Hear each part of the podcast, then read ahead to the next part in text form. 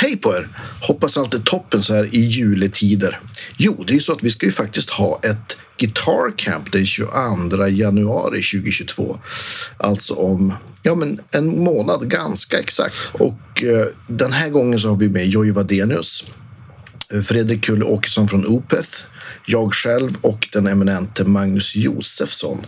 Och eh, det finns faktiskt några platser kvar och eh, det är första kvar som gäller. Så in på hemsidan och eh, boka en plats innan det tar slut. Det kommer vara en eh, garanterat supernördig och supertrevlig dag i gitarrens tecken. Nu över till Danne och Hannes och dagens podd. God jul på er!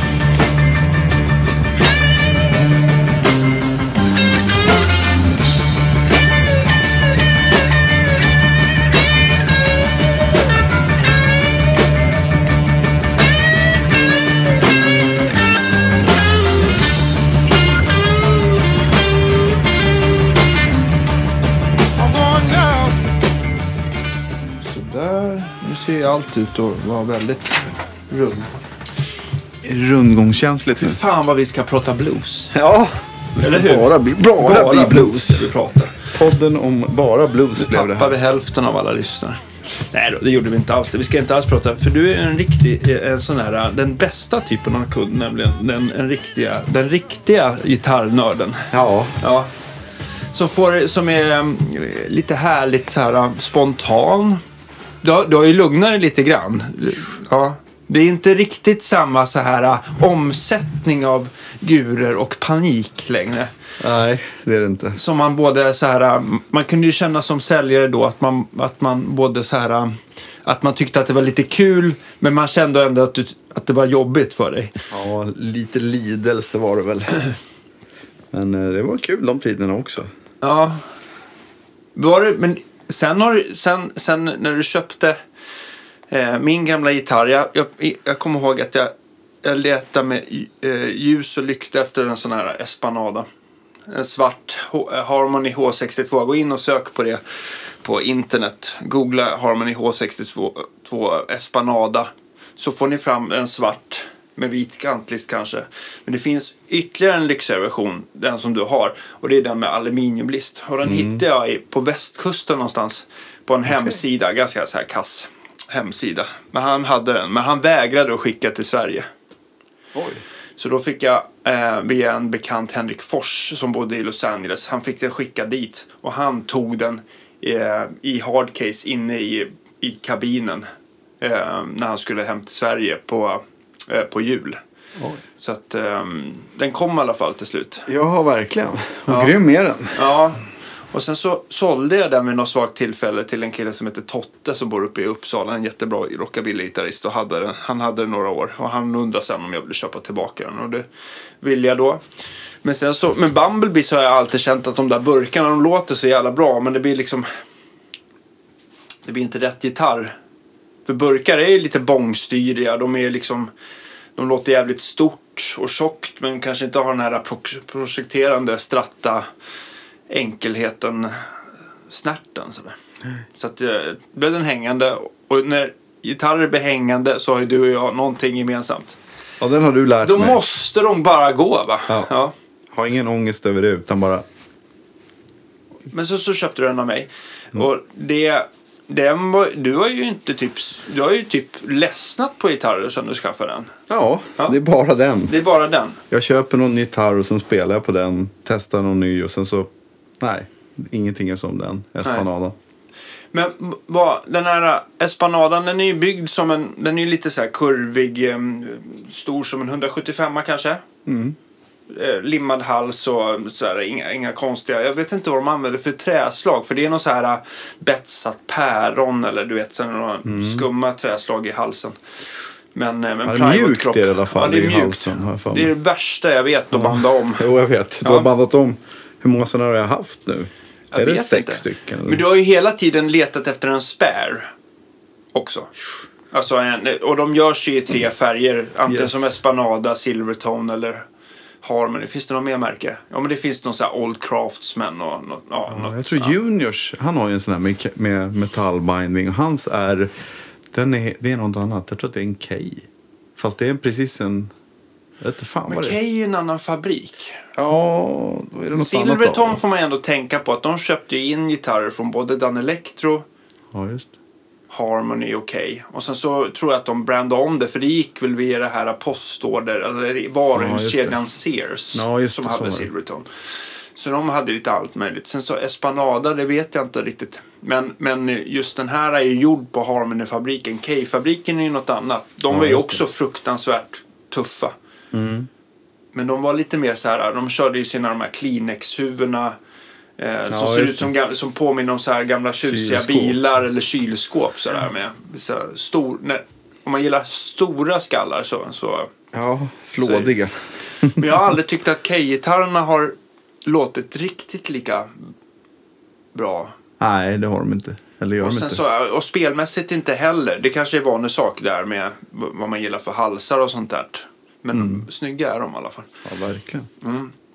Men vad är det, vad, vad är det, vi ska egentligen hälsa dig välkommen hit till podcasten, Hannes Mellberg. Tack, tack. Här, du är en av mina bästa kunder och eh, hjälper mig lite grann. Du, blir, du är ute och åker hela tiden så att jag, har ju, jag har ju verkligen stor nytta av dig. Ja. Och, och klappar dig väldigt medhårs så här. För. Och det är ömsesidigt. Ja. Jag har ju nytta av Nej, men dig. vi hjälper varandra och det känns jätteroligt att du är här. Och, och eh, framförallt hur mycket vi har bara suttit här inne i provrummet på Guitar Geeks och nördat. Ja, det är sjuka mängder alltså. Ja, senaste, senaste nördsektionen då var ju att vi hade att vi höll på att utvärdera där. Nu hade vi kommit fram till eh, fjäderreverb i pedalform. Ja, just det. Ja, True Springen versus Universal Audio, va? ja Eller den här så- nya dyra Universal Audio Ja. och den är ju faktiskt fruktansvärt bra. Men alltså, gitarrfjäder reverb vill man inte att det ska låta för mycket studiefjäder reverb som den Nej. gör. Så att jag tyckte inte att jag jag kunde inte få den att, eller vi kunde inte få den att låta som när, vi, när man hör ett bra fjäder i en förstärkare. Liksom. Nej, den vann True Springen i alla fall. Den var ju lite farligare.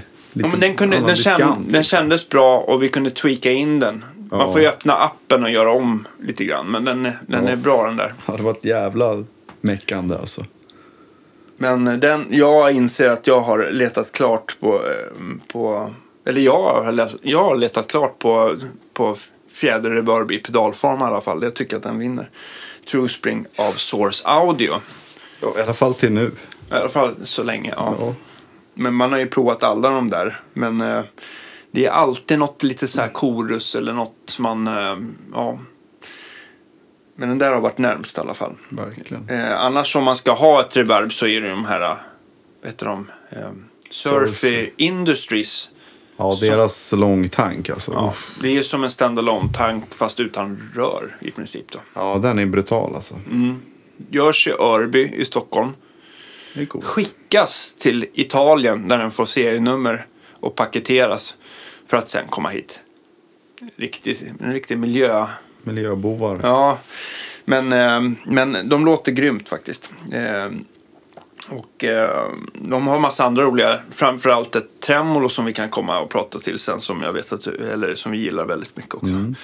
Eh, var var vi någonstans? Just det, men den här Espanalan. Varför är det så här? För förut var det ju så här att jag hann ju inte byta underkläder förrän du kom med en ny gitarr. Men när, efter du skaffade den så det är klart, jag ska inte säga att du tog tvärnit med dina gitarrinköp, för det har du inte gjort. Nej. Men det var ju så här som att det liksom, det har ju liksom ebbat ut lite snyggt som en liten lång svans. Här. Nu är det inte alls samma liksom, samma, Hetsjakt. nej. Nej, man har väl hela tiden letat efter något så här substitut, men jag vet inte, jag börjar inse att man kanske inte behöver ha något annat Nej. än den som man gillar bäst. Ja. Typ En gitarr. en gitarr. Eh, de där växer ju inte på trend. Jag har inte sett någon annan med aluminiumlist i Sverige tror jag. Det finns säkert men de är ju väldigt rare. Eh, Jag och tror det, inte heller att jag har sett någon faktiskt. jag tycker nog bland, att det är nog bland den snyggaste gitarren som någonsin har gjorts. I alla fall av burkarna sådär. Den Ja, ser jäkligt, jäkligt häftig ut. För den har ju sån här aluminium alltså list som man ser så som en bordslist eller Mm. som på en diner liksom. Det har de istället för kantlist fram och bak och rejält. Jävligt flådigt alltså. Och det som gör att de låter så bra till just att spela lite pruttig Chicago blues eller vad man nu vill göra. Men de låter ju inte så här snyggt och cleant och jazzigt eller slickt. Utan det är ju de här P13-mickarna som sitter där. Ja, det. Och det är ju en... Det är ju, P13 är alltså föregångaren till P90, vad jag förstår det som. Och gjordes av Gibson. Och Harmon, nu vet jag inte om det bara blev jättemycket, om de beställde från Gibson eller om de eh, köpte något restparti. Eller jag har ingen aning. Man har inte sett dem i alla fall på så mycket Gibson-gitarrer. Men det är i alla fall föregången till P90 och det är egentligen en, vad jag förstår det som, så är det en P90 fast den är liksom, istället för att den har en plast, eh, en plastkåpa så är den liksom som en humbucker i nickel-silver. Ja, ja. ja. Och jag tycker att det känns, det är svårt att säga, man tycker att det låter konstigt att mickar ska dista, men de här gör det på något sätt. De är liksom, det spelar ingen, ja, det är, liksom, det är som att du pluggar in den i P8 så är det ändå något litet så här grus i den på något sätt. Och det gillar jag, det passar väldigt. Så den, men att spela jazz, ehm, då tycker jag att det kanske finns andra gitarrer som gör det bättre på något sätt. Eh, ja, inte vet jag, en 175 till exempel. Men de här låter jävligt bra. Ja, verkligen. Och Grymma, jag, alltså. jag såg de där gitarrerna först hängandes på, eh, på Anders Levén. Och då ville jag också ha en sån, för han var ju min stora gitarr. Alltså från Knockout Greg and Blue, han var ju min stora gitarrhjälte. Eh, på tidigt 2000, för 20 år sedan. Och han är ju fortfarande grym. Men, men eh, så man ville ha den där och han, man tyckte den rakt in i en Blues Junior, det var liksom, det var facit på något Där sätt. är det klart. Ja. Och det är väl ungefär det du har kommit fram till också? Ja, Ja. jag såg också Anders Levén och typ Jonas och dig med sådana där gitarrer och så Ja. tyckte att det lät så jävla coolt. Och så vill man ju ha det. Man har sett alla bilder. De är tuffa alltså. För det är det här som är så intressant, så mycket som vi har pratat om just gitarrer. De låter ju på ett sätt givetvis. Men just den här matchen, att den är så viktig att man liksom har den till rätt stärk. För jag tycker så här som din stratta som du har med dig genom en Blues Junior, det är, det är ingen favorit. Alltså, jag tycker oftast att de låter ganska s- smalt och näsigt. Blir lite honkigt och lite... Ja, men lite trattigt sådär. Ja, exakt. Ja, och kanske inte distar. Alltså, Strattan har så jäkla mycket övertoner och Blues Junior har inte kanske så här jättesnygg snygga övertoner. De bara så här spretar iväg lite grann. Det här är ju min personliga Ja, ja men, uppfattning. det, men, de är ju plonka i sig på Ja. plankor liksom. Så vill man ha lite större stärk kanske. En superverb eller basement eller någonting som är lite större. Ja, men, men just den här matchen mellan, mellan, eh, mellan din Espanada och en Blues Junior. Det är ju liksom, ja det är så här klart på något Ja, sätt. kabeln rakt in också. Det är härligt. Inte Inget, inte mycket, ja, du har ju pedalbord och vi kan ju Ja. prata om det också. Men, men du behöver inget pedalbord. Nej. Man Ja. saknar ett tremolo och sådär kanske ibland. Men det, låter, det är lite klart. Mm. Bra överstyrning. Mickarna styr ju över snyggt och distar snyggt som det är. Mm. Det blir jävla nice match. Men just när det gäller Blues Juniors, det finns ju liksom vad jag förstår, nu är det väl inne på ver- version, eller serie 4 typ va? Ja. Första var USA, sen kom de till Mexiko och sen fick den tredje svart plåt och sen den fjärde vet jag inte ens om jag Svart lyssnar plåt, på. vita rattar. Aha, okej, okej. Eh, vad, vad, är det någon av dem som du favoriserar sådär? Att det, det där är... Det är väl alla förut. Trean kan vara lite sådär. Den kan vara låta lite fissigt, diskanten sådär. Men alla Finns andra den väl, för den är väl brightast och Ja, vassast? den är brightast liksom. och vassast, precis. Men eh, jag tycker alla låter bra. Det går att ratta, man får ställa dem lite olika sådär. Det är inte... Men är det sådär att, att de amerikanska är mer efter, eftertraktade bara för att det står Made in USA eller, eller Jag tror många går på den niten att de vill att amerikanska ska vara bättre. Ja, men men när det är man- inget skit. Alltså det är något när man tittar i dem så, visst det är annat färg på kortet, men det är Mm. liksom Blues Union, det är en billig stärkare och det ser man ju också när man tar isär den. Ja, Alltså, rörsocklar och rattar, allting sitter direkt på kortet. Det är liksom inte någon direkt chassiavlastning som, som är ganska viktigt när man är ute och turnerar. Utan den är ju liksom känslig för, för yttre påverkan kan man säga. Mm. Och liksom lite billiga jack och sådär. Och den, och den, eh, det är ju väl för att få ner kostnaden. De, jag vet inte vad de ligger på nu, men är det typ sju någonting kanske nya? Ja, sju och fem. Ja.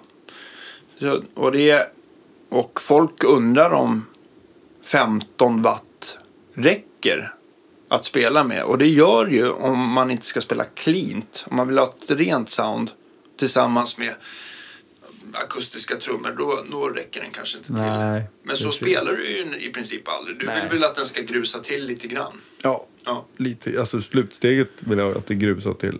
ja. Sen står alltid på max, mastern. Och sen har jag öppnat upp lite till klockan nio på försteget. Ja, just det. Och fat switch har du kanske uttryckt Den va? off, precis. Off, ja. ja. För att stärka, för att därav att gitarren låter så jävla Ja, tjockt in i den den blir där. för tjockt med Ja. den itryckt alltså. Men sen är ju min, min Blues Junior är ju någon specialvariant.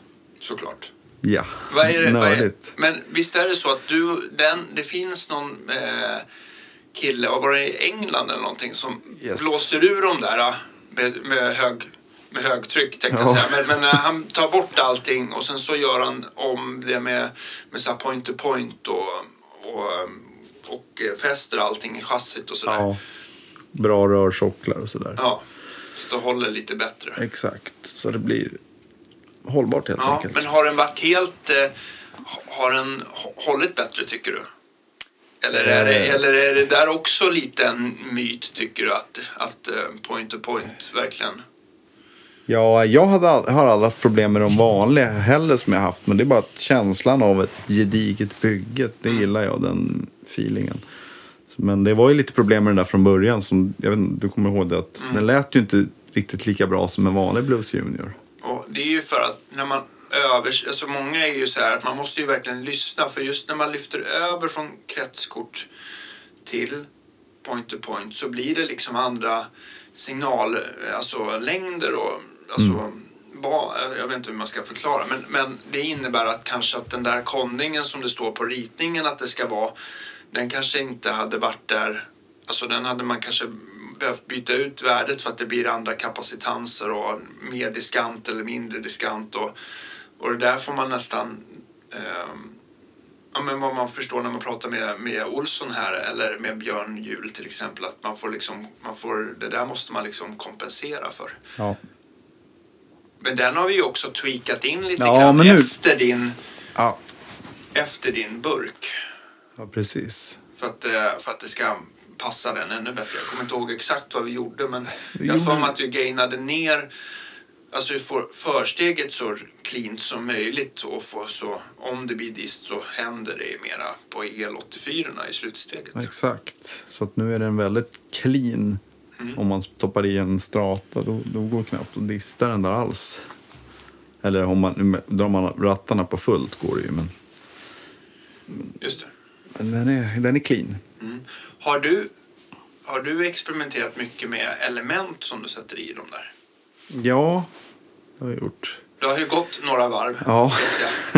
Vi har lyssnat. Ja, men jag vill, ha, jag vill att den spelar så starkt som möjligt. Och, och så cleant som möjligt. Eh, Så att jag har satt in en Celestion Creamback 75 watt Just det. i den. Mm. Mm. Så att, eh, Den har ju hög känslighet den Celestion. Den, Ja, har ju, den är ju på 100 decibel och folk som, om, man ska kolla på Celestions eller Eminence hemsida jag tycker för det första att man inte ska jämföra Eminence och Celestion rakt av. Du vet så här. om- om- Nej, för att jag tycker om... Jag får i alla fall, min uppfattning i alla fall när vi har stått här och testat. Det är att en högtalare från Eminence som där känsligheten står att den ska ha typ 103 decibel och Celestion har 100 så har inte, alltså nu måste ju folk förstå att en, en, en 3 decibels ökning det är som att gå från 15 till 30 watt på, förstärkar, på förstärkaren. Man mäter alltså vad är ljudtrycket vid en meter avstånd från högtalaren med en watt in. Alltså, och, så, och så mäter man då vid en kilohertz, alltså tusen hertz. Vad blir ljudtrycket då? En watt in, eh, antagligen en sinuston och sen så eh, eh vad heter det, en, eh, en meters avstånd till micken. Och det ska ge ett ljudtryck då. Och då om man jämför mellan olika Celestion-högtalare så kan man säga att en 10-tummare kanske ligger på 96 decibel. En Winters 30 på 100. En eh, Greenback kanske ligger på 97 och så vidare och så vidare. Eh, men det där gör ju väldigt stor skillnad hur, man, hur starkt man upplever att sin förstärkare spelar. Och på en sån här liten stärk som en, en Blues Junior, där vill man ju verkligen ha ett element som liksom har hög verkningsgrad så att man tycker att man får mycket, hur ska man säga? Mycket för vatten. Ja, mycket för vatten. Alltså den spelar volymstarkt. Medan andra element på en 100 watts Marshall kan det ju nästan vara skönt om man har element som inte är så effektiva. För att det blir så fruktansvärt jävla starkt. Liksom. Så att, eh, ja. Jag tycker inte bara starkast är bättre i alla läger, men det... Nej, verkligen. Men i i plus- små kombos så vill man ju fan det alltså. Ja. Men 75an är lite så här, den är... Jag upplever att den Creamback 75an är lite... Det, är- det är liksom väldigt snabbt förklarat så är den lite som en Vintage 30 som man har creambackifierat lite grann. Eller greenbackifierat lite grann. Den är liksom inte riktigt så modernt skuren som Vintage 30. Men den har, de påminner om varandra tycker Ja, jag. Ganska de. mellanregister betonade och starka. Så. Och, men vad vi har kommit fram till på olika element, att man, det är inget element som har allt. Nej. Eller? Nej, verkligen inte. Man tycker så här, ja men det här elementet låter svinbra så länge man spelar cleant, men man spelar high gain. Ja, Nej, Eller- då går det bort. ja. Eller vice versa. Ja, men så är det väl lite med den Creamback 65 som, som man har haft, men den har ju för låg verkningsgrad. Där Ja, skiljer den är de inte där, för stark. Nej. Då skiljer de där eh, tre decibelen och då blir det lite... Ja, då, blir det, då tappar man lite för mycket. Ja, verkligen. Ja, Den låter ju snyggt 65 ska vi säga. Den är ja det, är nice, men... det är ju nästan den alltid som, som John har. Eh, men det är inte bara... Egentligen är det ju inte bara, vad heter det, EQ-mässigt eller verkningsgradsmässigt utan lite grann Spelkänslan. spelkänslan och kompressionen i högtalaren. 65 den är ju så här, den känner man nästan hur den på något sätt liksom tryck, lyfter upp det svaga och trycker till det, transienterna. De liksom mosar ihop det lite grann som en, kom, som en snygg kompressor. Medan det gör ju liksom inte 75 Den är väldigt så här pangig liksom. Ja, den är mer dynamisk.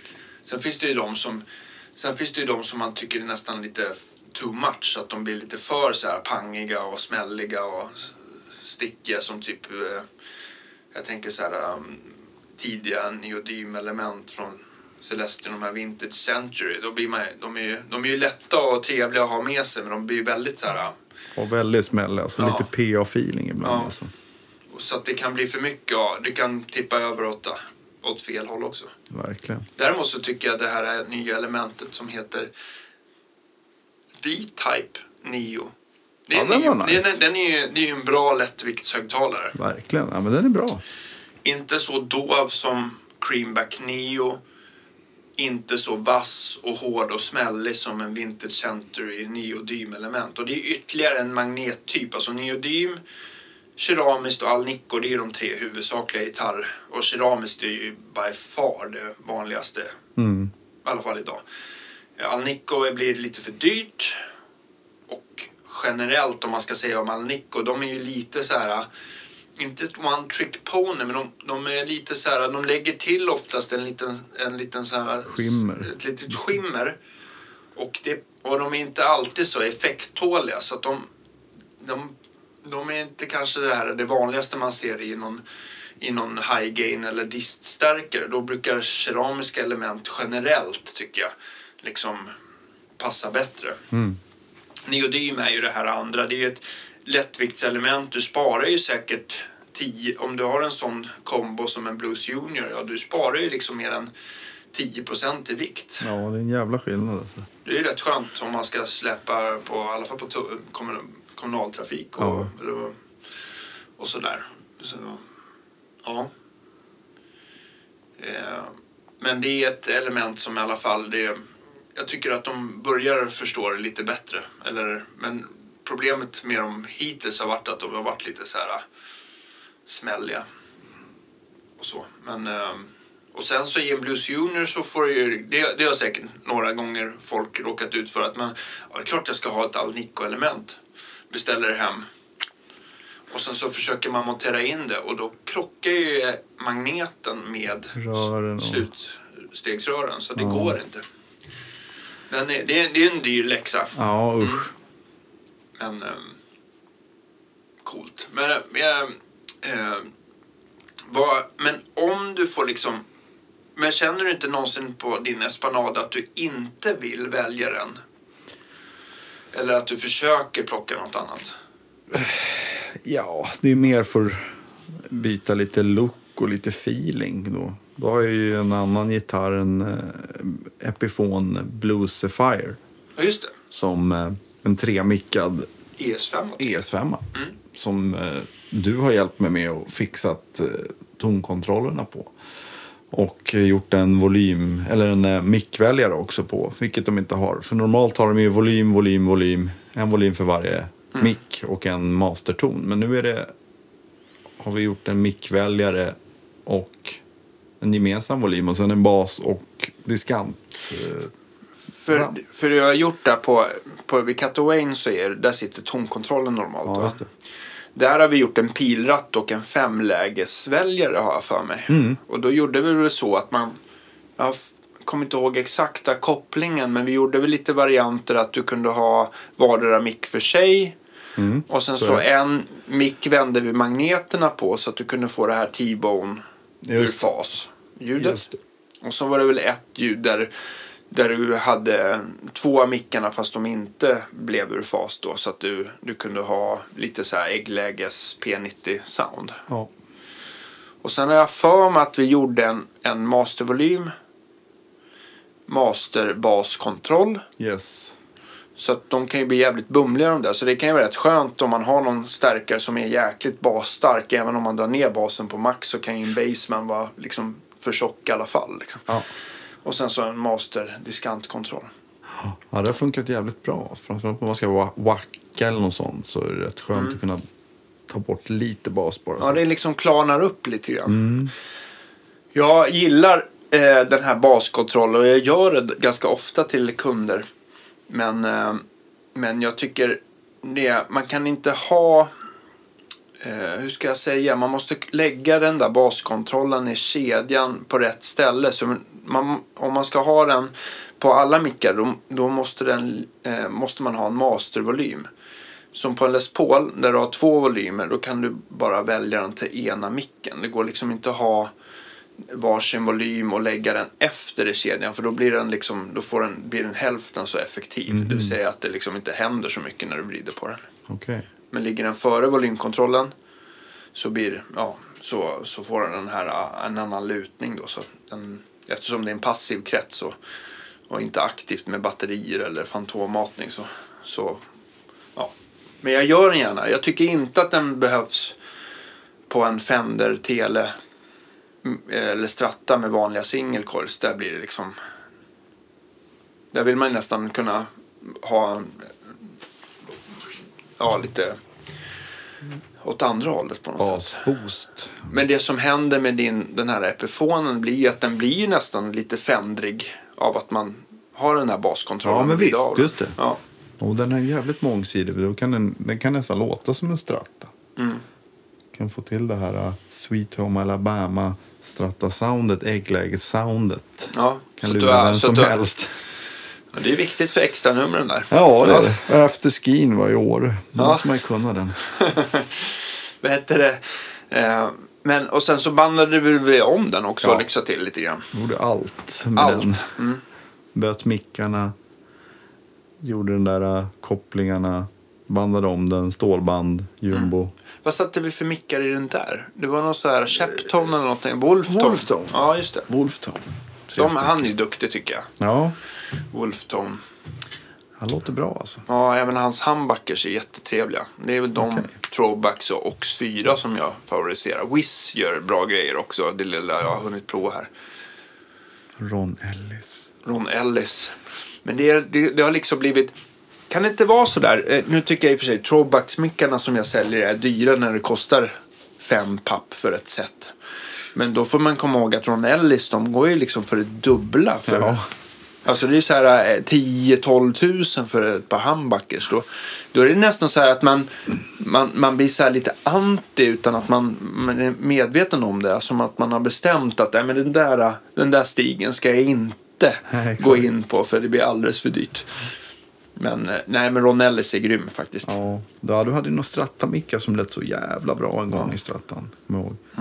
Men de kostade därefter, det var åtta papp eller sju papp eller vad fan det var. Ja, herregud alltså. Men jag tycker, eh, jag tycker det här med mickar är jävligt intressant för att de låter ju, man upplever ju dem så otroligt olika beroende på vilken gitarr de hamnar i. Verkligen. Det blir verkligen så jäkla olika resultat. Det är ungefär som att man... Det är, ja, det är lika... Eller det är inte, jag ska inte säga att det är lika viktigt som att matcha gitarren från, med en förstärkare så här som din Espanada, att det blir så himla lyckat. Men, men det, är, ja, eller det är nog fan lika viktigt. Mm. För att det är nu så här, man, man får liksom se vad gitarren behöver. Och jag tycker att de här Ronellis och Trobacks eh, Fender-mickar, de har ju blivit, de har ju varit, och även Fender själva för den delen, men de är väldigt brighta och ljusa. Så där handlar det mycket om att välja rätt kondensatorer, så att man, eller lite högre värde, kanske 47 eller 100 nanofarad för att liksom tämja dem lite i diskanten, för det blir liksom lite för öppet och twangigt. Right. Medan andra mickar tycker jag kan vara liksom så här som Don Mair och... Kommer inte på men... Alltså vissa tillverkare har varit liksom tvärtom. Att man nästan säger men vad fan är den här... Vad är det här Plinget, lystet? ja. Lysten någonstans. Och då får man arbeta åt andra hållet. Men, men eh, som sagt, det blir också jäkligt olika. Eh, vilket gör det ännu mer förvirrande vilken gitarr de hamnar i. Och jag har hört eh, Rosewood-gitarrer med, eh, eh, med eh, alkropp som sägs ska vara generellt varmare som har varit jättebrighta. Och det har varit askgitarrer med lönnhals som sägs vara jättebrighta oftast. Men som har varit ganska stumma och dova. Så att man måste lyssna på gitarren mer än att vara så här, bestämma sig i förväg. Bättre inte alltid bättre. Nej, som vissa säger. Eh, coolt. Eh, vad tänkte jag på? Men händer det med att du tar med... Du har ju med dig din stratta här som vi har eh, satt ihop. Eh, med lite Hosco-delar och sådär. Så man kan ju få en jävligt bra stratta.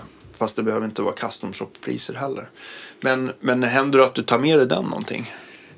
Ja, det gör det väl. Men den står bara då. Jaha, du får sån ofeeling.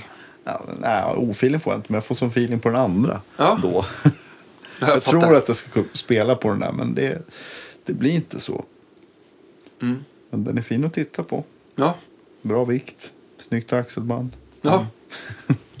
Är det sånt som du har fått från Klas eller sånt axelband? För det här ser ut lite grann så här som att när de Ja. byggde om från, eh, Exakt. från ÖB när det var så här militär. Det är ett sånt, men jag köpte den på mässan av tandläkaren. Ah. På Klas inrådan. Kolla där, balla axelband. Köp ett sånt. Vi gjorde såna också. Så det är Ja. ett sånt faktiskt. Och nu pratar jag om Klas som hade Vintage Guitars. Mm, Parmland. Ja, han tackade tyvärr nej till att vara med i podcasten för att han skulle vara kattvakt. Men eh, det kommer säkert fler tåg ska vi se. Eh, så att, eh, men, vi, eh, men tandläkaren är också en väldigt trevlig eh, person som vi har haft att göra med. Björn tänker jag på. Eller? Ja. ja. Precis. Hermansson. Ja. Som är en gitarr. Också en, har väldigt härlig delikat smak när det kommer till gitarrer. Så mycket Ja, verkligen. Eh, men de där är grymma faktiskt. Jag tror jag har haft mitt, jag har haft ett liknande eh, axelband Ja, på min eh, slide i alla år. Sen i alla fall sent 90-tal utan att byta. Ja, jävlar. Ja. Så att eh, de håller. Eh, men det är också lite grann så här som vissa gitarrer.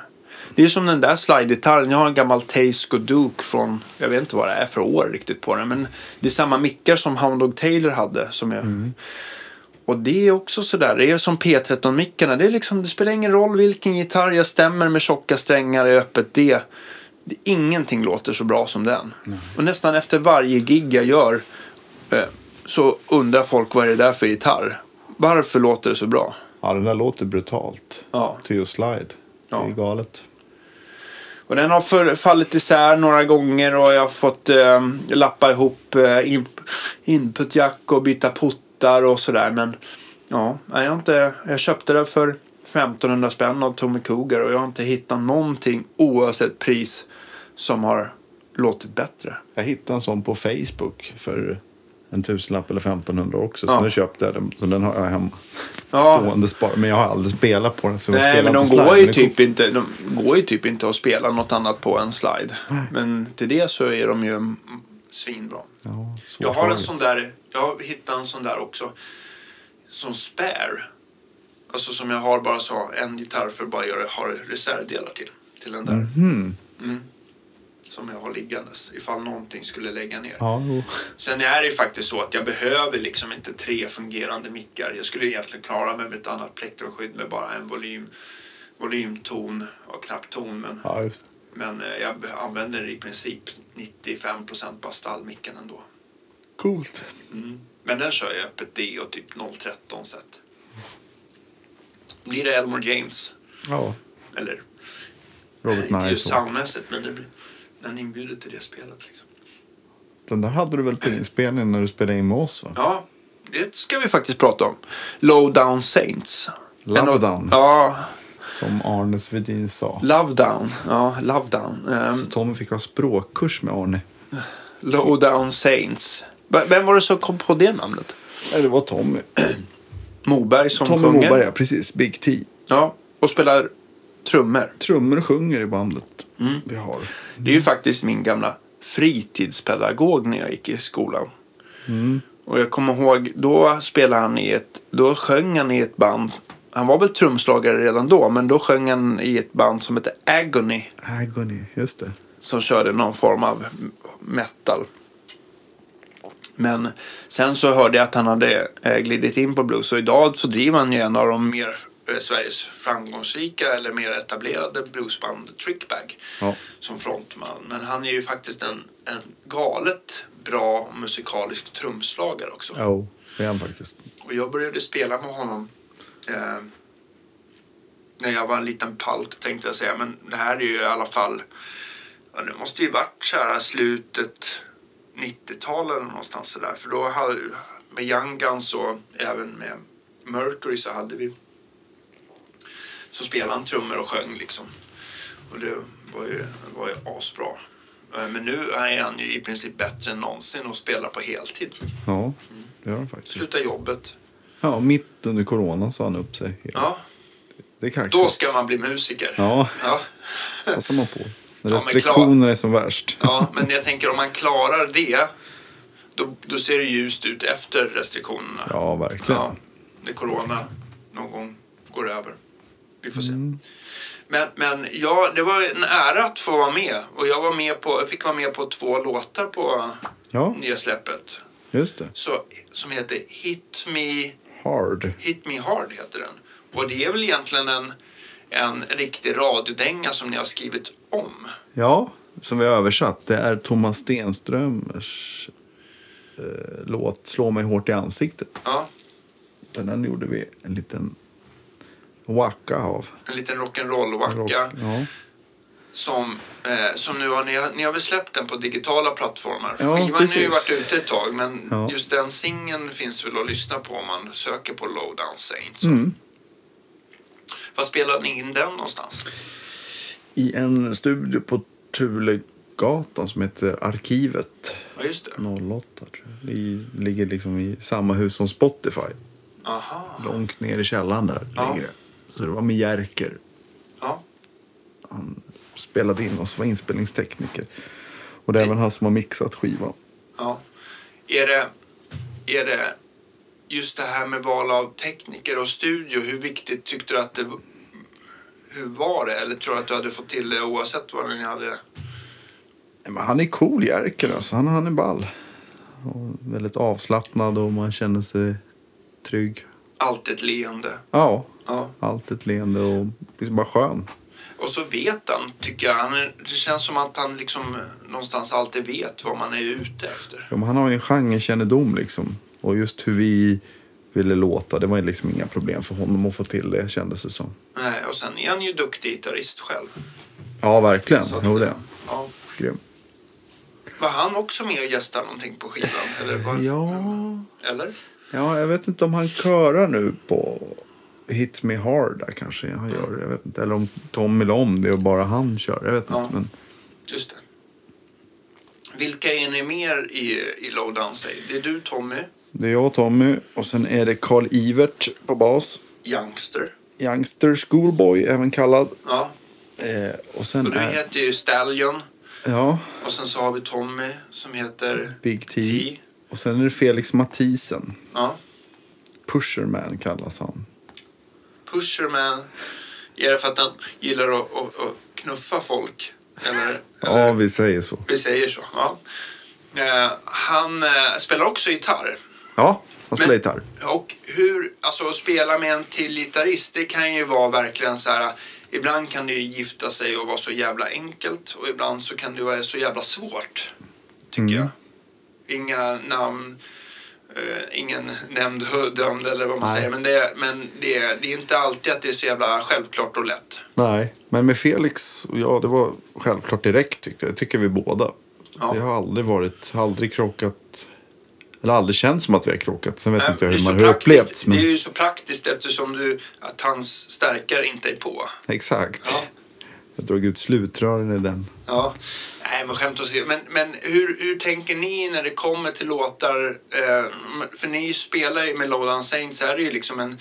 Det är ett bluesband med lite rock'n'roll-touch liksom. Yes.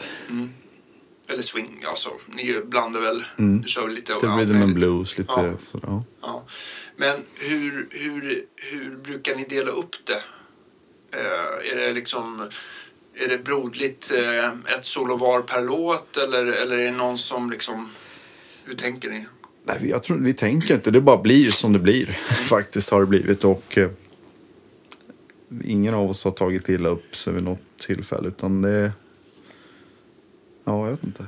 Oftast så eftersom det bara är vi som är själva bandet så har det ju varit att ofta så blir det ju när vi spelar live så spelar ju båda solo oftast i varje Ja. låt liksom. Ja.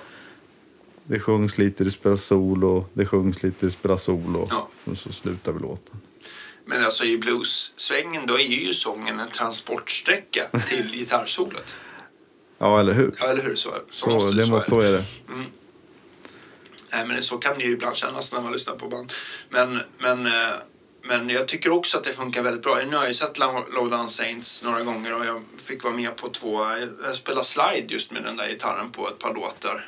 En som jag fick sjunga på. Men den kan inte folk gå in... Om man inte köpt skivan så blir det svårt att lyssna på den än.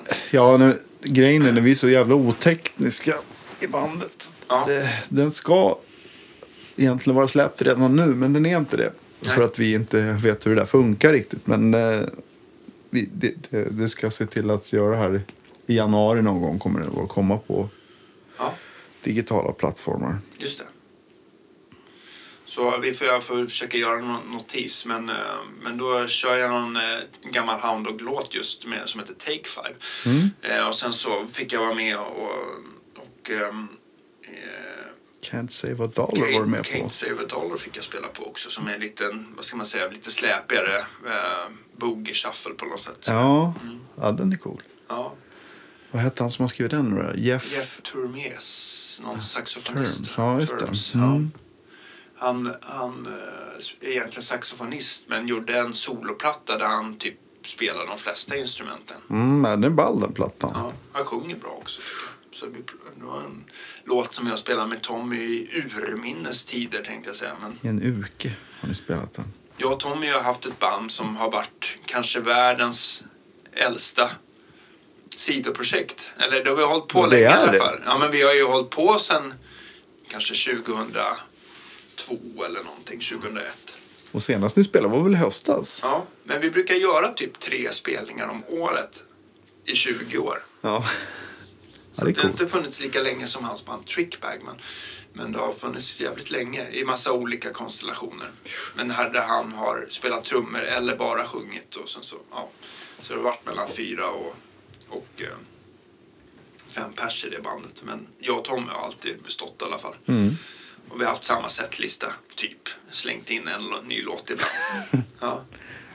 Nu måste vi göra någonting, säger han. Och så bara, ja men allting känns ju fräscht ändå. Eftersom man spelar så sällan. Skönt att slippa tänka också, tänker jag. Ja. Ja. Skönt att bara man- åka. Varför ska man gå in och ändra saker som funkar?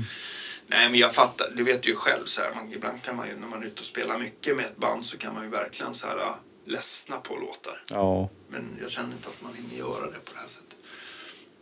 Ja, vi får se vad som händer. Men det, det, det, plötsligt händer det att vi står på scen. Ja. Ja. Hur, hur, hur tänkte jag på, eh, men hur kom det sig att ni bildade Lowdown Saints? Var det liksom efter något bluesjam eller var, vem var det som tog eh, stafettpinnen i det hela?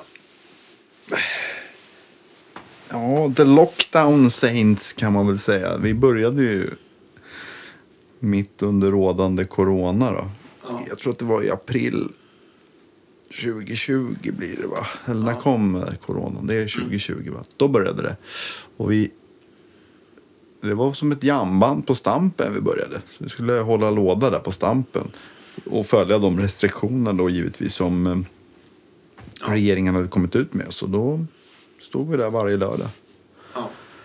Stampen, för de som inte vet, så är det ingen pub i Gamla stan i Stockholm som har i princip kört bluesjam varje lördag eftermiddag sen, sen typ 98, 99, ja 98 tror jag. Men Större delen har ju Brian Kramer som nu har kört igång på Ängelen istället som är en stenkast bort. Men Stampens bluesjam har ju varit liksom, ja, ett av de mest succé Ja, verkligen, verkligen. Under, under lång tid liksom. Men det var, så, det var så vi började i alla fall. Att vi började spela där. Eller vi träffades på en annan pub i Gamla stan som heter Sankta Clara. Där de också har bluesjam Ja, på det. kvällarna. Fan, det är en, det är en riktig... det- Om man gillar att spela blues och jamma så finns det ju möjligheter här i Stockholm. Ja, verkligen. Ja, Det gör det. kul. Ja, det är faktiskt bra. Det är nice. Så att, eh, det var där vi träffades och sen så körde vi på. Ja.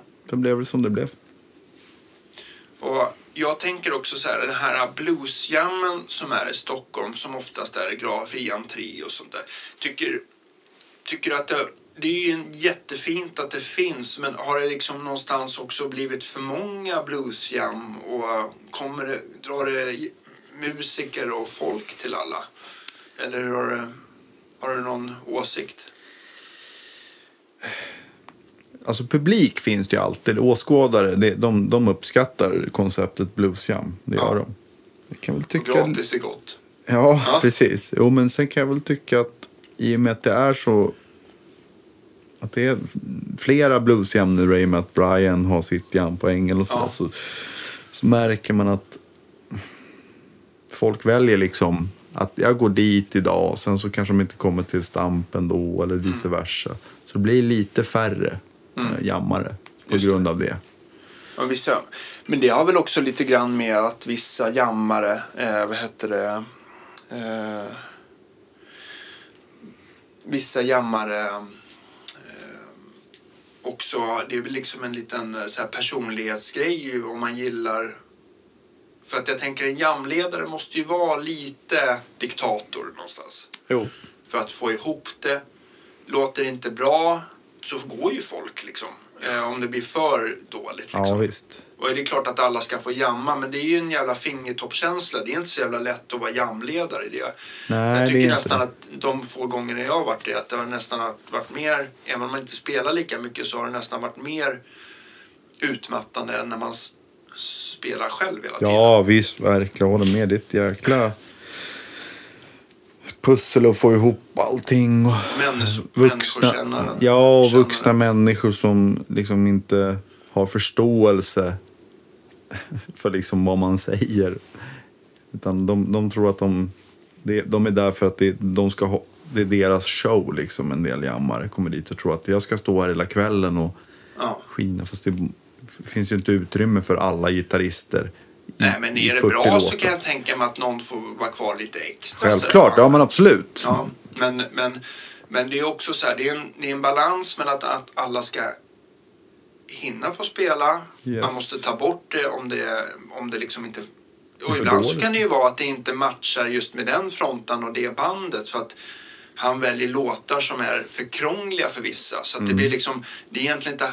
Alltså det, man vet inte vem man ska liksom blamea så, men, Nej. men det kan, ja, det, matchen kan ju bli olycklig ibland. Och då Ja, måste man också gå in och röra om i, i grytan och sådär. Och det kan ju skapa lite osämja och, och eh, folk kanske väljer någon jammare som gillar dem bättre. Men sen så är det ytterligare en aspekt att när det blir sådär eh, jam på eftermiddagarna i en pubmiljö och ölet forsar så är det ju egentligen att en bra musiker eller som känner sig bra eller vill stilla sina nerver kanske inte riktigt är i den formen han borde vara när han väl ställer sig på scenen heller. Det har ju hänt. Ja men verkligen. Det där händer lite titt som tätt. Även mig själv tänkte jag säga. Ja, men självförtroendet är på topp i alla fall. Men, Ja. ja. Och de är glada. Ja, ja det är viktigt. Nej, men, men, eh, men jag tycker också så här bluesjambandet har eh, du har ju liksom Stampen eh, och Ängelen på lördag eftermiddagar och sen så har det ju varit eh, Santa Clara typ fredag, lördag kväll. Va? Ja, fredag, lördag kväll. Ja, och sen så har det väl varit på Liffey har det väl varit ytterligare ett jam ibland? På söndagar, på eftermiddagarna där. Okej, och det är fortfarande eller? Nej, jag tror de har slutat där nu. Okej, och sen så hade väl, har Wirström haft något Ja, de jam? hade mitt i veckan jam förut. Onsdagar eller tisdagar. Det finns inte heller. Nu finns Nej, nu det tror jag inte det finns kvar. Och sen så hade väl på sommaren så har väl haft Vinterviken haft något bluesjam Ja, precis. Just det. Så att det har ju varit, nu är det väl kanske lite lugnt men ett tag var det ju så här, herregud. Ja, Ja, men när det var som värst då, då var det ju färre jammare ja. överallt. Skulle jag säga. Ingen blev glad. Nej. Nej. Och så, och de här ställena är väl i och för sig, det är kul. Ja, Wis- Wirström, Stampen. Ängeln kör väl inte så mycket blues, men, Nej. men Wirström, Stampen, Santa Clara har ju varit de. Alltså, de mera, och så bluesbaren då på Södermalm, men där, där är det ju liksom... Där, där kan man ju ha liksom en hörlursförstärkare och ändå spela för starkt känns det som. Ja. Men det är väl sådär, de har väl lite problem med grannar och det ska vara slut innan tio. Ja. Och, ja, och gagerna har varit lite, alltså aldrig varit skyhöga i bluessvängen men just där har det väl varit extra lite skyhögt. Ja, Mm. kan man väl säga. Ja. Men eh, jag tänkte också på just det här med gitarr kontra stärkare eh, och olika ställen. Det där är ju liksom, just när det kommer till förstärkare så är det ju också, även om det blir skitbra på Santa Clara till exempel som ett litet valv, källarvalv i Gamla stan. Där blir ju kanske bluesunionen alldeles lagom. Men eh, så är det ju liksom inte alltid. Hamnar du på Fasching eller kanske utomhus eller Ja, då räcker Då- inte de till. nej, då bara försvinner ljudet på något sätt. Ja, ja det, är, det är rätt en tuff nöt att knäcka och hitta en, en större kombo som är bättre. Ja, och vad, vad har du hittat som du använder helst? Då har ju Olsson Amps, jag har ju två stycken. Ja. Eh, basement, kan, två basement. En eh, renodlad basement. Mm, fast Ja. den är inte renodlad men ja. Ja. Det är en basement-krets. Med en 15-tummare i va? Ja, med en 15 tummar i, precis. Eh, och sen är det en av hans nya förstärkare som heter Blues Major. Ja, jag har den här som... Ja. Som faktiskt eh, du, Danne, har varit med och tagit fram med Olsson. Som är en Mm. jävligt ball stärkare som är en baseman i grund och botten. Och Ja, som har- Baseman Plexi. Fast det är ju en el, el Man kan ju välja om man vill ha 6 eller 6 men det är ju el34 i den här Just det. i grund. Och då, jag tycker väl just att slutstegsdisten blir lite roligare än 6 eller 6 6 eller 6 är ju bra om du ska twanga och ha mycket, lite mer headroom. Men de, de är ju liksom lite grövre i sin överstyrning. Men det går att ha bägge. Ja. Eller och det är båda. en ball stärkare också för den har reverb också. Ja. Som inte en baseman annars har. Precis, för jag tror att det är många som väljer bort en baseman rent i farten bara på grund av att den inte har reverb och gärna pluggar in i en en eh, deluxe reverb eller super reverb eller twin eller vad det nu är och ge inte baseman en chans. Men just jag har alltid föredragit 12-tummare framför 10 för jag tycker 10 blir de lägger på lite mer topp och sen så har de lite en annan bas. Eh, basen hamnar oftast på första, eh, hur ska jag säga, det känns mer som att betoningen hamnar, eh, tyngdpunkten i basen hamnar lite längre upp och inte lika djup som i en 12 eller 15 tummare. Så att jag tycker att det känns lite konstigt. Sen så kan ju de spricka lite tidigare i sig. Att de inte orkar lika mycket input innan, de liksom, innan konen börjar bryta upp. Liksom. Så att jag tycker 12 har varit lite mera mångsidigare. Eh, så att jag tycker att det här det var en stärkare som jag har liksom ifrågasatt, eller ifrågasatt, år. jag har önskat mig eh, i fem års tid av, av, av John. Och till slut så han, eh, vad heter det, kom den. Men det som jag tyckte var en rolig grej som jag, jag inte ligger bakom det var att han ville ju sätta i en master i den här. Mm. Och jag tycker master i starkare enkanalskombos har ju sällan blivit lyckade. Men i den här blev det faktiskt skitlyckat. Jag har faktiskt visat det för många som har provat prototypen här så man kan komma och prova nu på ja, alla veckodagar. Eh, jag har ju öppet eh, 12 till 6 på måndag, tisdagar och sen så vet du, 12 till 4 eh, onsdag till fredag. Mm. Eh, så kan man komma förbi och prova det här. Men, men det som jag tycker har varit eh, grymt med att, det, att förstegsdisten när du drar upp volymen och ner med mastern har varit sjukt lik. Mm. Eh, slutsteget klipper när man bara har mastern på max och drar upp volymen så, så, så är det typ samma typ av... eh, Det, det är liksom grov textur men det är ändå krämigt. Det är svårt att förklara liksom. Det, det blir väldigt... Det, blir, det låter inte pedal eh, som låter lite plattare och lite mer finkornigt kanske ibland. Utan den har den här eh, spelkänslan som slutsteget har. Ja, en fin stärkare. Ja, och reverb. Det är Mm. det är alltid trevligt med trivsel-reverb. Men, men, eh, men det var ju också kul för att ibland så har du ju bara din basement och du vill ju ha ett bra reverb och då har du den här eh, True Spring-pedalen som är stor som en Ja, Boss-pedal. men låter väldigt bra om man tweakar till dem lite Ja, grann. men verkligen. Ja.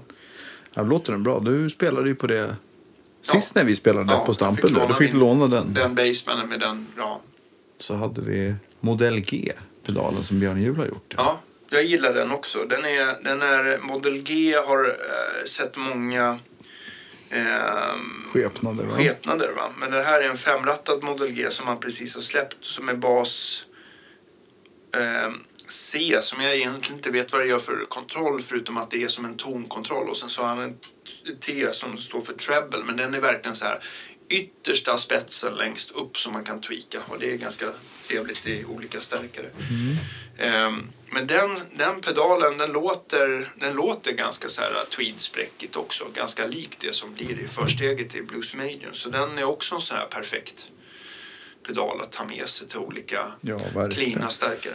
Och sen så har jag gjort en, eh, har jag en, en One Control Silverby som jag har byggt om och mixat lite grann som jag tycker eh, har blivit sjukt trevlig också. Mm, den är grym alltså. Den är bra. Två olika overdrives tycker jag, vill jag gärna ha med mig när jag, när jag är ute och spelar för att det, de har lite olika svar. Det är skönt att ha det till olika, de passar med olika stärkare bättre. Det är inte så att jag brukar växla mellan dem. De är, en är alltid på. Men man har lite... Det är konstigt det där, för vissa, vissa dagar då känns den ena pedalen helt klockren och i en annan stärkare, men något annat så är det eh, någon annan eh, vad heter det, pedal som, eh, som, som, funkar, som funkar bättre. Liksom. Mm. Men, eh, men Model G har varit väldigt trevligt. Jag vet inte hur många han har gjort, men man får väl ringa och, man får väl ringa och Fråga snällt. fråga snällt om man, om man vill bygga. Vad har du mer på pedalbordet när du är ute och... Det är den där True Springen, det är Modell G. Ja. En stämmare då givetvis. Är det någon du har gillat bättre eller Av, stämmarna? Eller jag har bossen. Jag tycker den är enkel att se. Liksom Vit eller svart boss? svart. Svart TU3 Vasakraft V. W. Just det. Så den, den har ju en jag. bra buffer också om man vill. Ja. ja. Det är det jag behövde så att då körde jag, körde den. Och sen så tycker jag att den är enkel som sagt att man ser den här äh, när den pitchar liksom. För det är med din Espanada, den har ju alltså enmeggsputtar.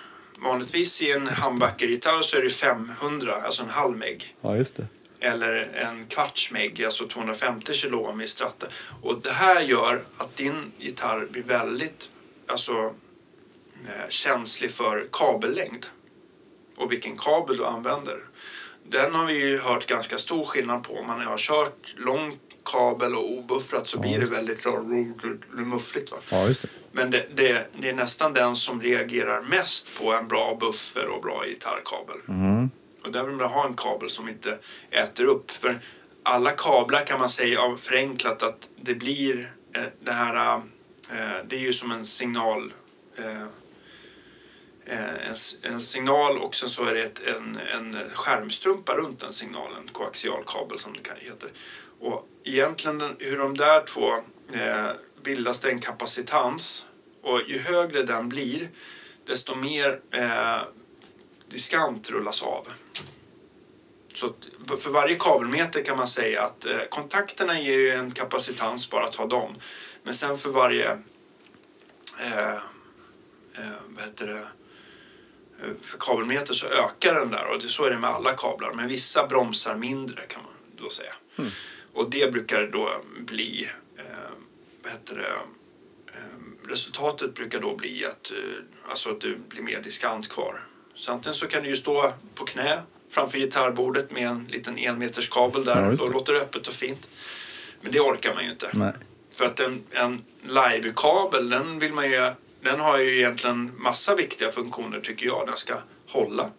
Mm. Bra kontakter, gärna Neutrik eller Switchcraft eller någonting som inte bryts sönder. Och passar i jacket också för att de här, jack, de här kontakterna kan ju ha olika längd dessutom. Ja, Att det inte liksom sätter sönder. Sen så eh, ska det vara en kabel som, som inte, jag vet inte om du har tänkt på det, men vissa kablar de kan ju vara när du rör dem bara på scenen så kan det liksom låta som de knäpper och knastrar och, och skrapar, alltså ge en massa missljud. Missljud. Ja. Mm. Det vill man inte heller ha. Det blir ju känsligare ju mer gain och överstyrning du kör givetvis. Eller ju mer du rör på det. Mm. Sen ska gitarrkabeln tycker jag vara följsam. Att den inte ska hålla på och trassla Nej. och liksom, alltså vad fan. Man, du vet, man kan ju bli irriterad. Det är så här små grejer som jag kan bli irriterad på när en gitarrkabel blir för stel och inte vill om man ska röra sig ut på publiken eller på scenen eller någonting att den liksom ja, bråkar med dig. Mm. Eh, och sen så ska den låta bra. Ja, verkligen. Ja. Men, men, eh, men din gitarr, till skillnad från en stratta där det finns nästan för mycket diskant, så, så blir det sådär. Där, där vill man verkligen hitta någon kabel som eh, Ja, funkar bra. men där ja. hittade vi ju den här Vovox Ja, den, är är, jävligt bra. den tycker jag nog är den som... Den, jag har ju haft min svarta Vovox-kabel eh, jättelänge, men den är, de är så jävla dyra. Ehm, och det är väl egentligen inte de som mäter minst kapacitansmässigt, men de är så jäkla följsamma, de håller och eh, ja, Mm. de har, det, det är den bästa överlag kabeln skulle jag säga. Verkligen. Låter bra. Håller med. Ja. Eh, men eh, man kan ta, om man har en multimeter som man kan mäta kondensatorer med så kan man ta, jag gjorde det med Esbjörn Örvall igår, att man, man, man håller eh, då ena, ena, alltså typ den röda kabeln då eh, på, på kontaktens eh, plus och eh, eh, den andra på på, på jord då. Och då, kan man, då får man ett värde hur många picofarad eh, en kabel eh, mäter. Så en sån här liten eh, som man har mellan boxarna den kanske mäter 25 picofarad. Och en vanlig 3 meters kabel kanske mäter 250 picofarad. Och en 6 meter blir då det dubbla om det är samma märke och sånt där ungefär. Va? Eh, Men så att det där kan man ju tänka på om du har massa true bypass-pedaler på ditt pedalbord och sen så alla är avstängda För det är då, då, är, då finns det ingen, då finns Ingen det buffer, ingen, ingen buffer som, som håller uppe nivån. Då. Mm. Och då kan man ju lägga ihop alla, alla de här och till slut så kanske du är uppe i 1000 picofarad och då blir det väldigt muffligt när du kopplar igenom pedalbordet istället för att du jämför att koppla rakt in. Ja, just det. Så att jag har valt att ha en buffer tidigt som jag tycker är, den funkar helt okej. Det är One Control gör en stämapparat precis som, jag tror att den här Vasakraft nästan är ännu, eller den är lika bra den i alla fall, men den här tycker jag är bra. För det är också en stämmare med till ett rimligt pris. Det är från One Control som är liten och eh, ja, den har en snygg eh, Björn Juhl-buffer. Den ligger som pedal 2 då, efter Model G. Och sen så har jag då Baby Pink sist som är en björnpedal som är, som är en alltid buffer. Så att den håller uppe nivån även om jag inte använder, alltså har den påslagen. Eh, och man kan prova ganska snabbt om en pedal är buffrad eller inte. Om du har en pedal, en overdrive till exempel, som är avslagen, alltså effekten inte är på, och så drar du ur strömmen. Så vissa, vissa pedaler är ju smarta och blir automatiskt true bypass då, men, men det som händer oftast på true äh, buffrade pedaler det är att ljudet bara tystnar. Mm. Medan på en true bypass då spelar det ingen roll om strömmen är i, i avläget så att säga det. den släpper igenom signalen ändå. Eh, och det där har ju folk trott att det ska påverka mindre med, med true bypass-pedaler men, men det, det, gör, det, alltså det blir som att man bygger på kabellängd hela tiden. Då. Och det, det försvinner lite topp och lägger till lite nasal mellanregister istället. Då. Vilket kan vara trevligt. Vem vet. Men, men eh, ja, det, det är därför det där med att bygga pedalbord som som, som inte påverkar soundet är en liten konst i sig. Ja, verkligen. Ja. Vad, vad har du haft mer? Efter reverbet, vad är, har du något delay eller?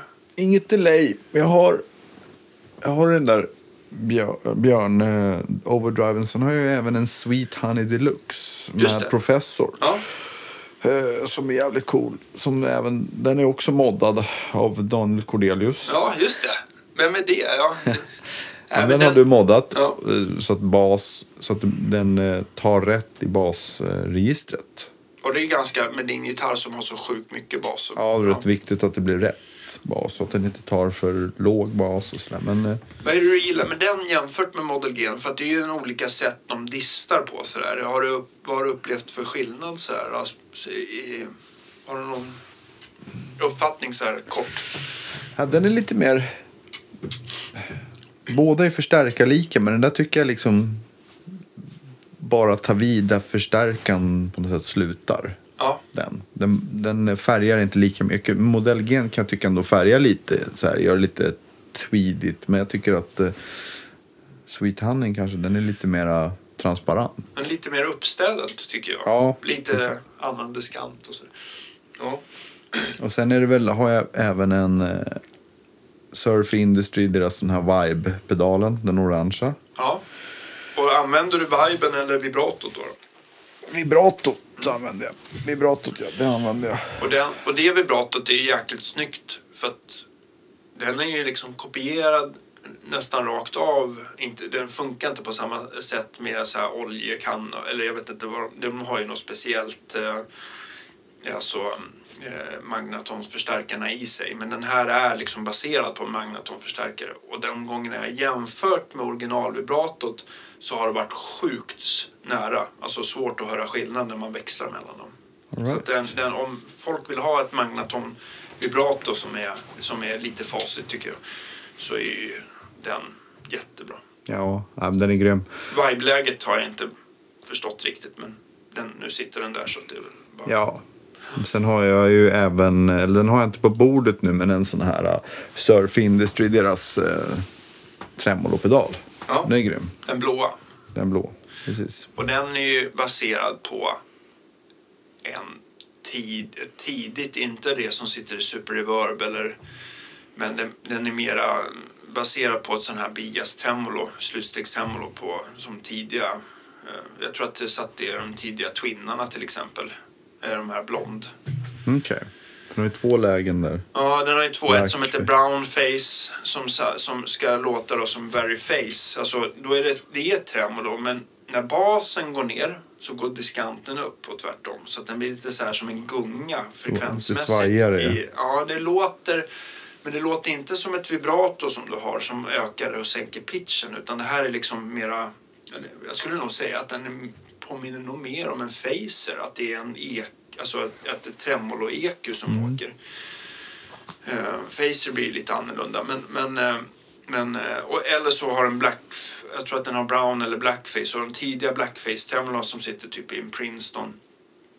De kan ju vara väldigt så här snygga sinusvåg och inte så här shoppiga som, som man upplever Super Reverben till exempel. Nej, är väldigt musikaliska, den, den pedalen. Ja. Bara funkar i alla lägen. Du kan ställa den hur som helst och det ändå låter bra. Ja, den, den har ju precis som originalen en nackdel att den har ett litet så puffande som ligger i tempo med, med, eh, med, eh, med rytmen i tremolot. Liksom.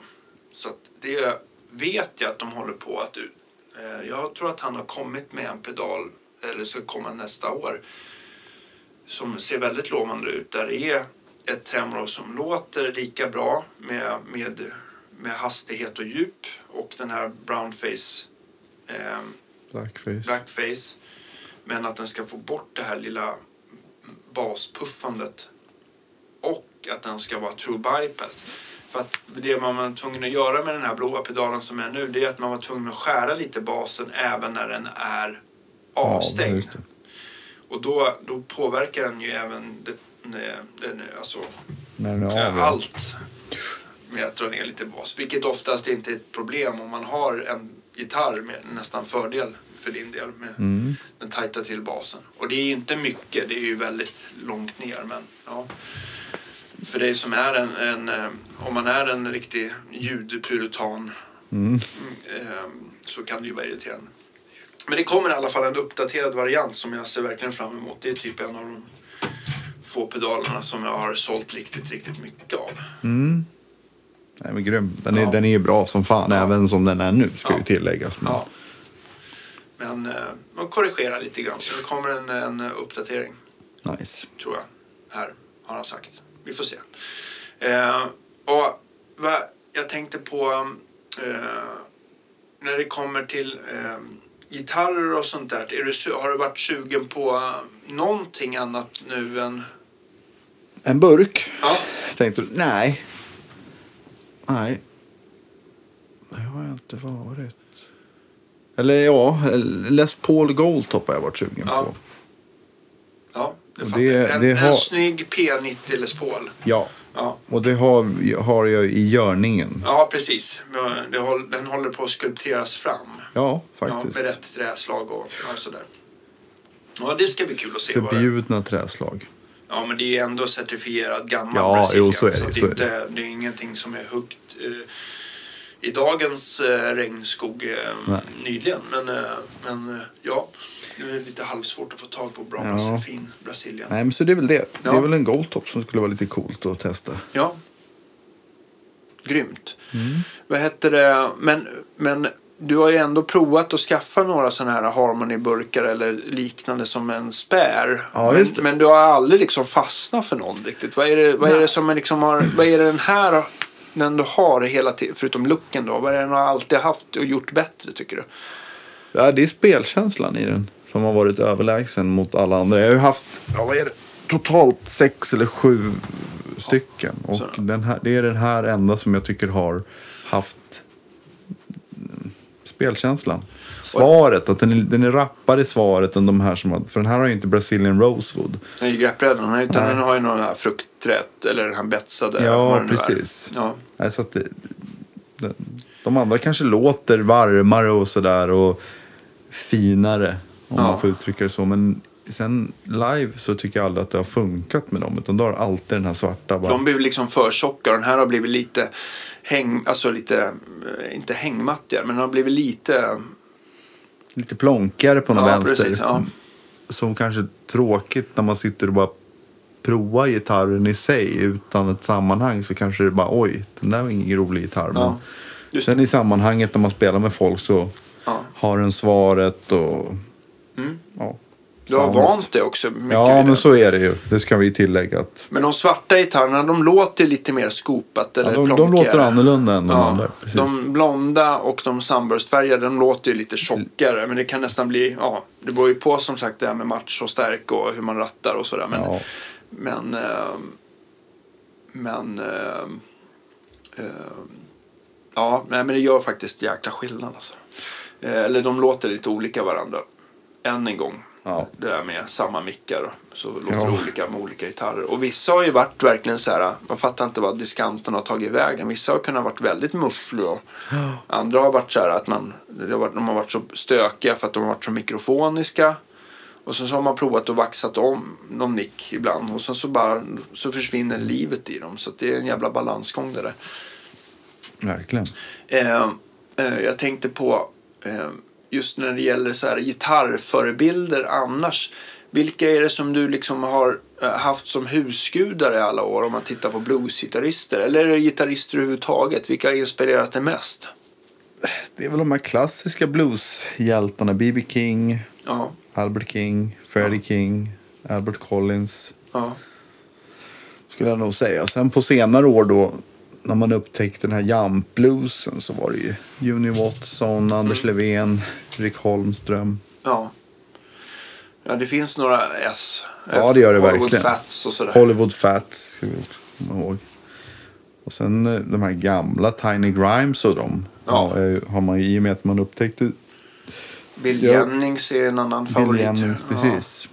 Men jag började, jag hittade ju Junior dem innan jag hittade deras förebilder. Just, just det. Jag tycker en, en gitarrist som ska nämnas eh, det är ju Charlie Christian tycker jag är Ja. jävligt bra att lyssna på. Det är ju egentligen mer jazzigt. Jazzigare. Men det är ändå så här, det är inte, du vet, när man pratar om Tiny Grimes, Bill Jennings och sånt där, det är ju inte liksom du, nu, då är du inte inne på Chicago 12 utan då är det ju ganska så här swingigt och liksom det kan vara 12 fast det är oftast de blandar in lite flera ackord liksom. Ja, men visst. Eller gör lite, det blir lite, lite annan. Och det där, det där gränslandet älskar jag.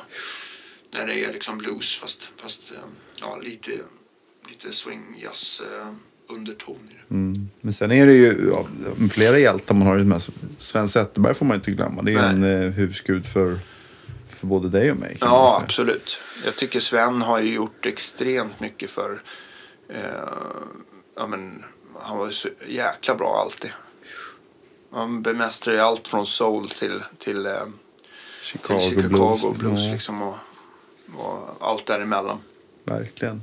Han gick ju bort för några år sedan. Han hade tackat ja till podcasten och var med. Men, men ehm, vi hann inte få till det. Vi hade tänkt att vi ska, han dog någon gång i december. Nu kommer jag inte ihåg hur många år sedan det är tyvärr.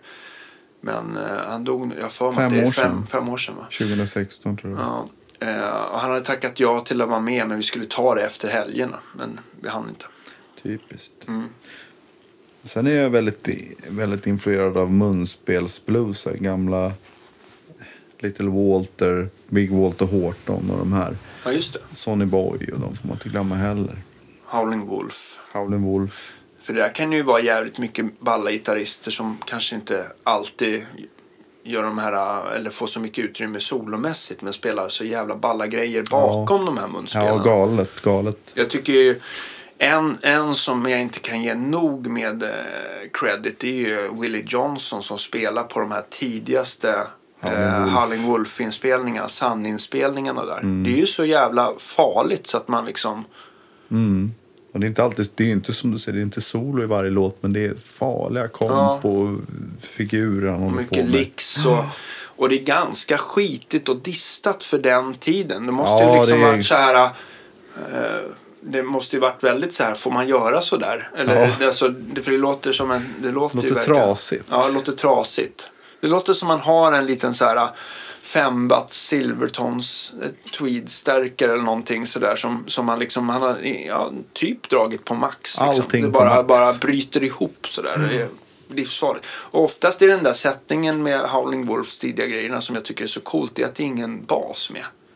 Ja, Utan det är piano, gitarr, eh, munspel och trummor. Mm. Och så Willie Steele på trummor som typ gör så här. Eh, ja, man- man borde nog... Eh, man borde, alltså det kan inte bli, bli mera basic trumfills men det är så jävla vägvinnande och hårt liksom. Ja. Och så typ Ike Turner som, som spelar också piano på How Many More Years. Det är så jävla svängigt. Ja.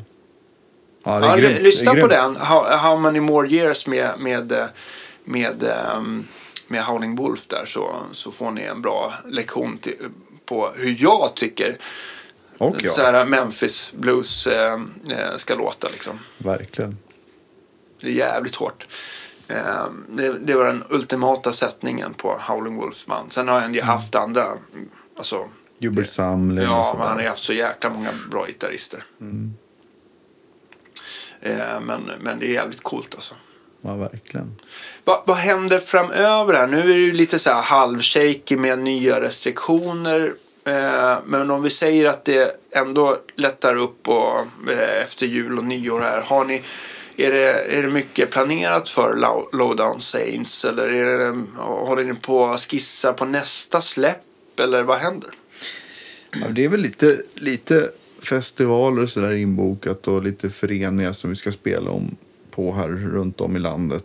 Mm. Vi får se då som sagt hur det blir med det. Men annars är det väl bara att spela på och kolla nya låtar och spela in. Ska vi Ja, också det. göra. Vi har inte satt något datum för det men det kommer här till våren. Okej. Har, ni, har, har ni tänkt att backa? För ni, ni har ju backat lite folk också. Eh, jag tänker på han norrmannen. Nu står det helt stilla bara för det. Kent-Erik Thorvaldsen. Just det. En härlig figur får man väl ändå säga. Eh, som munspelare. Ja. Och sångare. Ja, men ni är tänkt att ni ska samarbeta någonting mer med honom, eller? Vi hoppas det. Ja. Vi ska- Vi har, jag vet inte om vi har någonting bokat i Norge nu. Men, eller jag tror att vi fick någonting i Norge bokat. Ja. Så jag vet inte om vi har pratat ihop oss med honom eller Okej. inte än kanske. Men vi ska väl Ja. göra det antar jag. Ja. Får han vara med? Han är grym. Ja. Skön kille. Ja. Jag fattar. Ja, men han, jag tycker jag, jag, bara sett han på era releaseparty när jag var också uppe. Han Ja. lät otroligt Gubb. Det finns ju många bra munspelare där ute. Liksom, eh, jag tänker eh, Janne Sjöström och Greger och, och det, och det, eh, det är ett gäng. Men ibland så är det som att vissa Vissa kanske inte är den bästa sångaren eller munspelare. Men det blir sån jävla mm, personlighet och sound från som inte folk kan kopiera i alla fall. Så det låter så jävla coolt. Och han är ju verkligen en... Nu är han ju en bra munspelare och sångare. Men det blir, han blev så jävla... Han, blev så, han fick sånt jävla ID för mig på något sätt. Ja, ja, låter, han låter egen. Personlighet. Ja men verkligen. Eh, hinner du med att spela med andra bluesband eller vad? vad eh, Jag spelar med ett band som heter Williamson Blues Band också. Norrtälje? Norrtälje ja. Williamson, ja. Ja. Precis. Så där, eh, Också munspelsblues. ja, Där är, det är Chicago, Chicago Blues då. Så det är Mycket honker Ja. i E, eller? 83 procent honker tror jag. Ja. Jag räknade ut. Men då är det Anders Månsson på bas, Leif Williamson sång och munspel, Thomas Lingman på trummor. Och sen är det Hank Jansson. Ett jävligt bra band. Ja, Little Hank. Som också spelade tillsammans med Sven Zetterberg i många, han har ju varit i podcasten här också om ni vill lyssna in det. Men, men som, som, eh, det hette det, eh, liksom spela med Svenne i Chicago Express under, under ja, Ja. Var med i Svennes trio. Ja, just Han och Stoffer Ja. och Sven. ja. Ja, men det är ett coolt band. Det är gubba blues som vi säger. ja, just det. Hinner du med något mer eller har du, sugen, har du sug på att dra igång ytterligare något projekt? Nej, det där är det som jag hinner med. I och med Ja. att man arbetar heltid och sådär. Ja. Så, så får det där räcka. Just det. Jag tänker så här, när, jag, när, jag, när du ringer mig, eh, vi hörs ju ganska ofta, men jag tänker så här, bara, nu ska vi se idag, vad, vad, för du, du brukar alltid ha feeling för någonting mellan, mellan plektrum och högtalare. Ja. Som du liksom så här, som, som du liksom så här funderar eller ägnar väldigt mycket tankekraft kring. Och som Ja. jag försöker som min, min gitarrpsykologtjänst då eh, eh, hjälpa dig. Terapeutiska. Gitarrterape- som gitarrterapeut försöker jag hjälpa dig. Eller vi försöker bolla. Eh, Eh, vad är det som, är det någonting som du liksom funderar lite extra kring just i, idag? Eller känner du att allting är klart nu? Ja, det, just nu känner jag tillfredsställelse och Är det lugn. konstigt? Ja, eller, det känns konstigt. eller blir du orolig för att du har tappat det? Gnistan nu? Ja, lite så kan man väl säga. Men jag tror att det har att göra med att det, nu har det liksom eh, planat ut med spelningar och sådär. Så spelas det inte lika mycket nu som vi gjorde här för några månader sedan. Då spelade vi tre dagar i veckan liksom. ja, just det. Och- Eller i somras också. Då var det så extremt mycket. Då, då, då ägnar man massa tid åt att tänka på prylar och sånt. Men nu är, det, nu är jag lugn med prylar. Ja. Hur mycket, förutom espanadan och burken, äh, äh, har hur många, vad har du mer för någonting i gömmorna? Och den här äh, Duke slide-gitarren som ligger någonstans? Eller? Ja. Ja, det är väl i princip det här jag har. ja.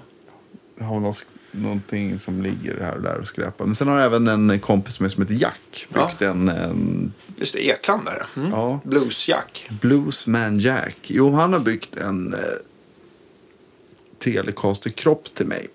Har gjort. Och så har jag köpt en hals till och sen satte vi ihop det. Så det var en eh, Mahogny Telecaster Thinline. Ja, Med två, just det. vad heter de, wide range mickar. Ja. Blev det bra? Ja, men det var cool Ja. Mm. alltså. Det var ball. Så den har jag. Eh, men det är väl i princip det jag har. Och sen på stärkarfronten så är det Blues Junior. Två Olsson och sen har jag även en High Powered Tweet Twin. Utifall att... If- Ifall att det blir riktigt stora scener Ja. snart. Ja, Precis. låter bra. Har du någonsin gillat att köra två stärkare? Jag har inte testat det så mycket, vilket är lite synd. Det har jag ju fått på inrådan av dig att göra, men... Eh, eh, så jag har för dålig erfarenhet av det. Ja, Men det skulle jag vilja labba lite mer med. precis. Kanske Jag, det hop- man ska jag börja- hoppas att jag håller på att sparka på vår vän John Olsson. Ja, ja. Att inte bygga en stereoförstärkare två så, men, men eh, jag vill att han gör en buffer. Då då. Och då vill jag gärna ha en, ut och två, eh, en in och två ut. Och när det är två ut så kan man ju koppla till varsin stärkare. ja, ja. Det är bara att det kan ju bli två problem. Om det ena elementet på ena stärkan slår utåt och den andra slår inåt, då blir det ur fas. Va? Så då vill man ju kunna eh, eh, fasvända ena det. utgången 180 grader. Så att de slår åt samma håll. Så annars låter det, ja det låter nästan som att man får vakuum i huvudet. Eh, men, så det hoppas jag att han gör. Men det kan finnas också ytterligare ett problem när man kopplar in två förstärkare. Och det är att det blir vad heter det, jordslinga då. då. Okej. Och det blir det som ett brum. Brum, ja, och då vill man ha ett jordlyft där som, som, som på ena utgången då så att, så att det inte blir den här brummet helt enkelt. Så jag hoppas att det kommer något sånt. Men en Okej. bra buffer är inte alltid, alltså även om du har det i en vanlig Boss 10U2 så är inte alltid buffrarna så här transparenta. Det vill säga att de kanske kan eh, lägga till diskant eller ta bort diskant eller ta bort bas eller ta ner eh, medelnivån eh, outputen lite grann eller någonting. Outputen tycker jag inte är så jättekänsligt men de här, när det påverkar EQn för mycket så kan det bli lite irriterande. Och sen så finns det ytterligare en grej att en dålig buffer kan eh, också lägga till ett, ett brus som kan vara störande ibland. Okej. Och sen så eh, är det viktigt med en buffer att eh, dels är ingångsimpedansen eh, känslig så att gitarren låter bra. Är den för hög så kan det bli lite för brilligt och hifi. Och är den för låg så blir det lite för muffligt och instängt. Och sen så utgångsimpedansen tycker inte jag ska vara för låg. Det vill säga ju lägre desto mm, bättre kabeldrivare blir den. Men det kan göra att vissa overdrives eh, även som ska klara buffrar eh, låter annorlunda. Så att, eh, jag håller på att titta på det där för att se om det kan bli någon liten kul.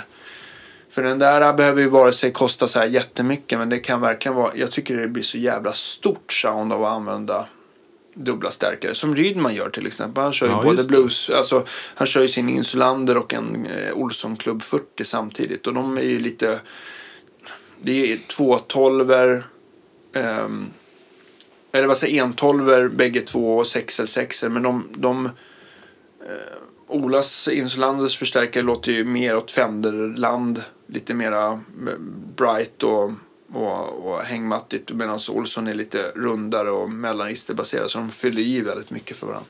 Så det behöver liksom inte vara samma stärkare tycker jag nödvändigtvis men, men det är jävligt ballt då. Verkligen. Men du har labbat mycket med det, eller? Du Ja, har spelat kör- live mycket med Ja, jag två körde, starka. då hade jag i och för sig inget problem med jordbro, men jag körde gärna, eh, vad heter det, eh, två Blues Juniors förut då. Och tillsammans med en sån burk som du har. Den burken kanske? Nej, vi hade en blond som jag tror Just det. nylen. Ja, det har som jag. satte Big Big Split på. Den är ju tuff. Mm, verkligen.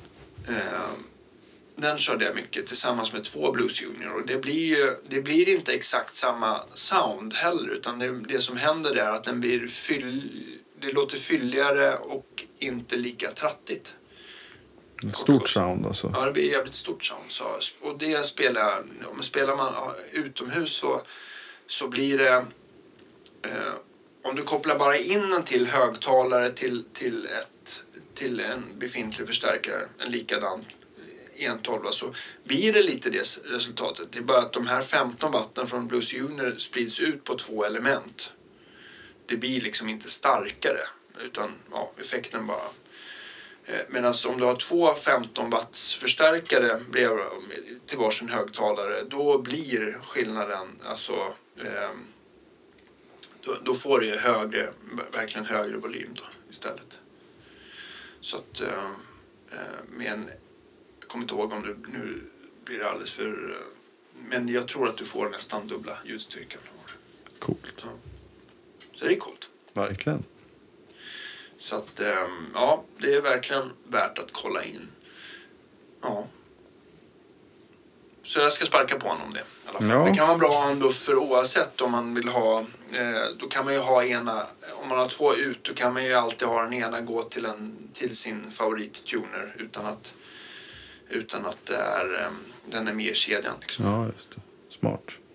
Så att eh, jag tycker att eh, en, en, jag vet inte om, även om du har en tuner som är true bypass och, och eh, låter eller funkar precis som du vill så kan det vara så här när man slår på den på vissa pedalbord av någon anledning så blir det så här som någon slags digital störning från när man stämmer som går ut, knastrar ut i förstärkaren. Men det är inte alltid heller så Nej, det Så det kan vara skönt att få dem ur vägen.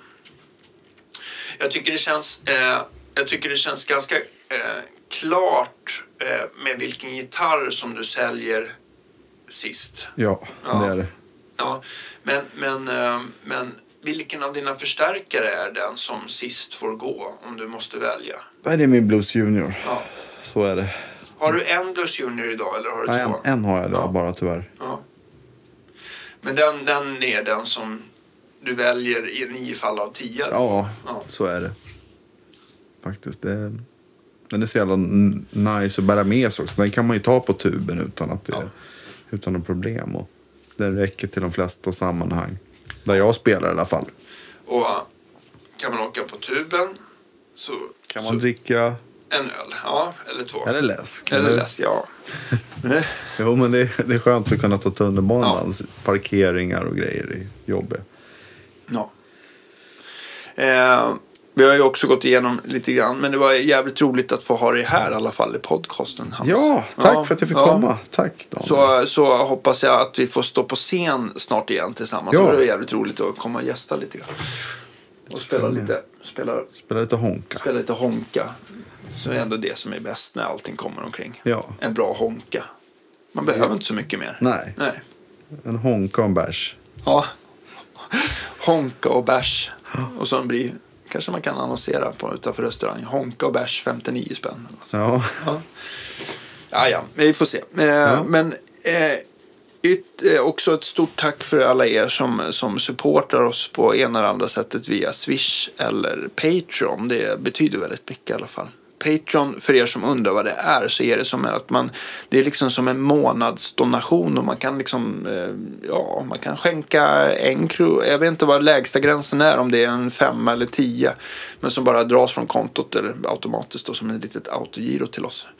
Och um, det låter inte så mycket i sig, men, men många bäckar små blir en liten slant sådär, så att vi, vi får i alla fall in lite, lite, lite kaffepengar.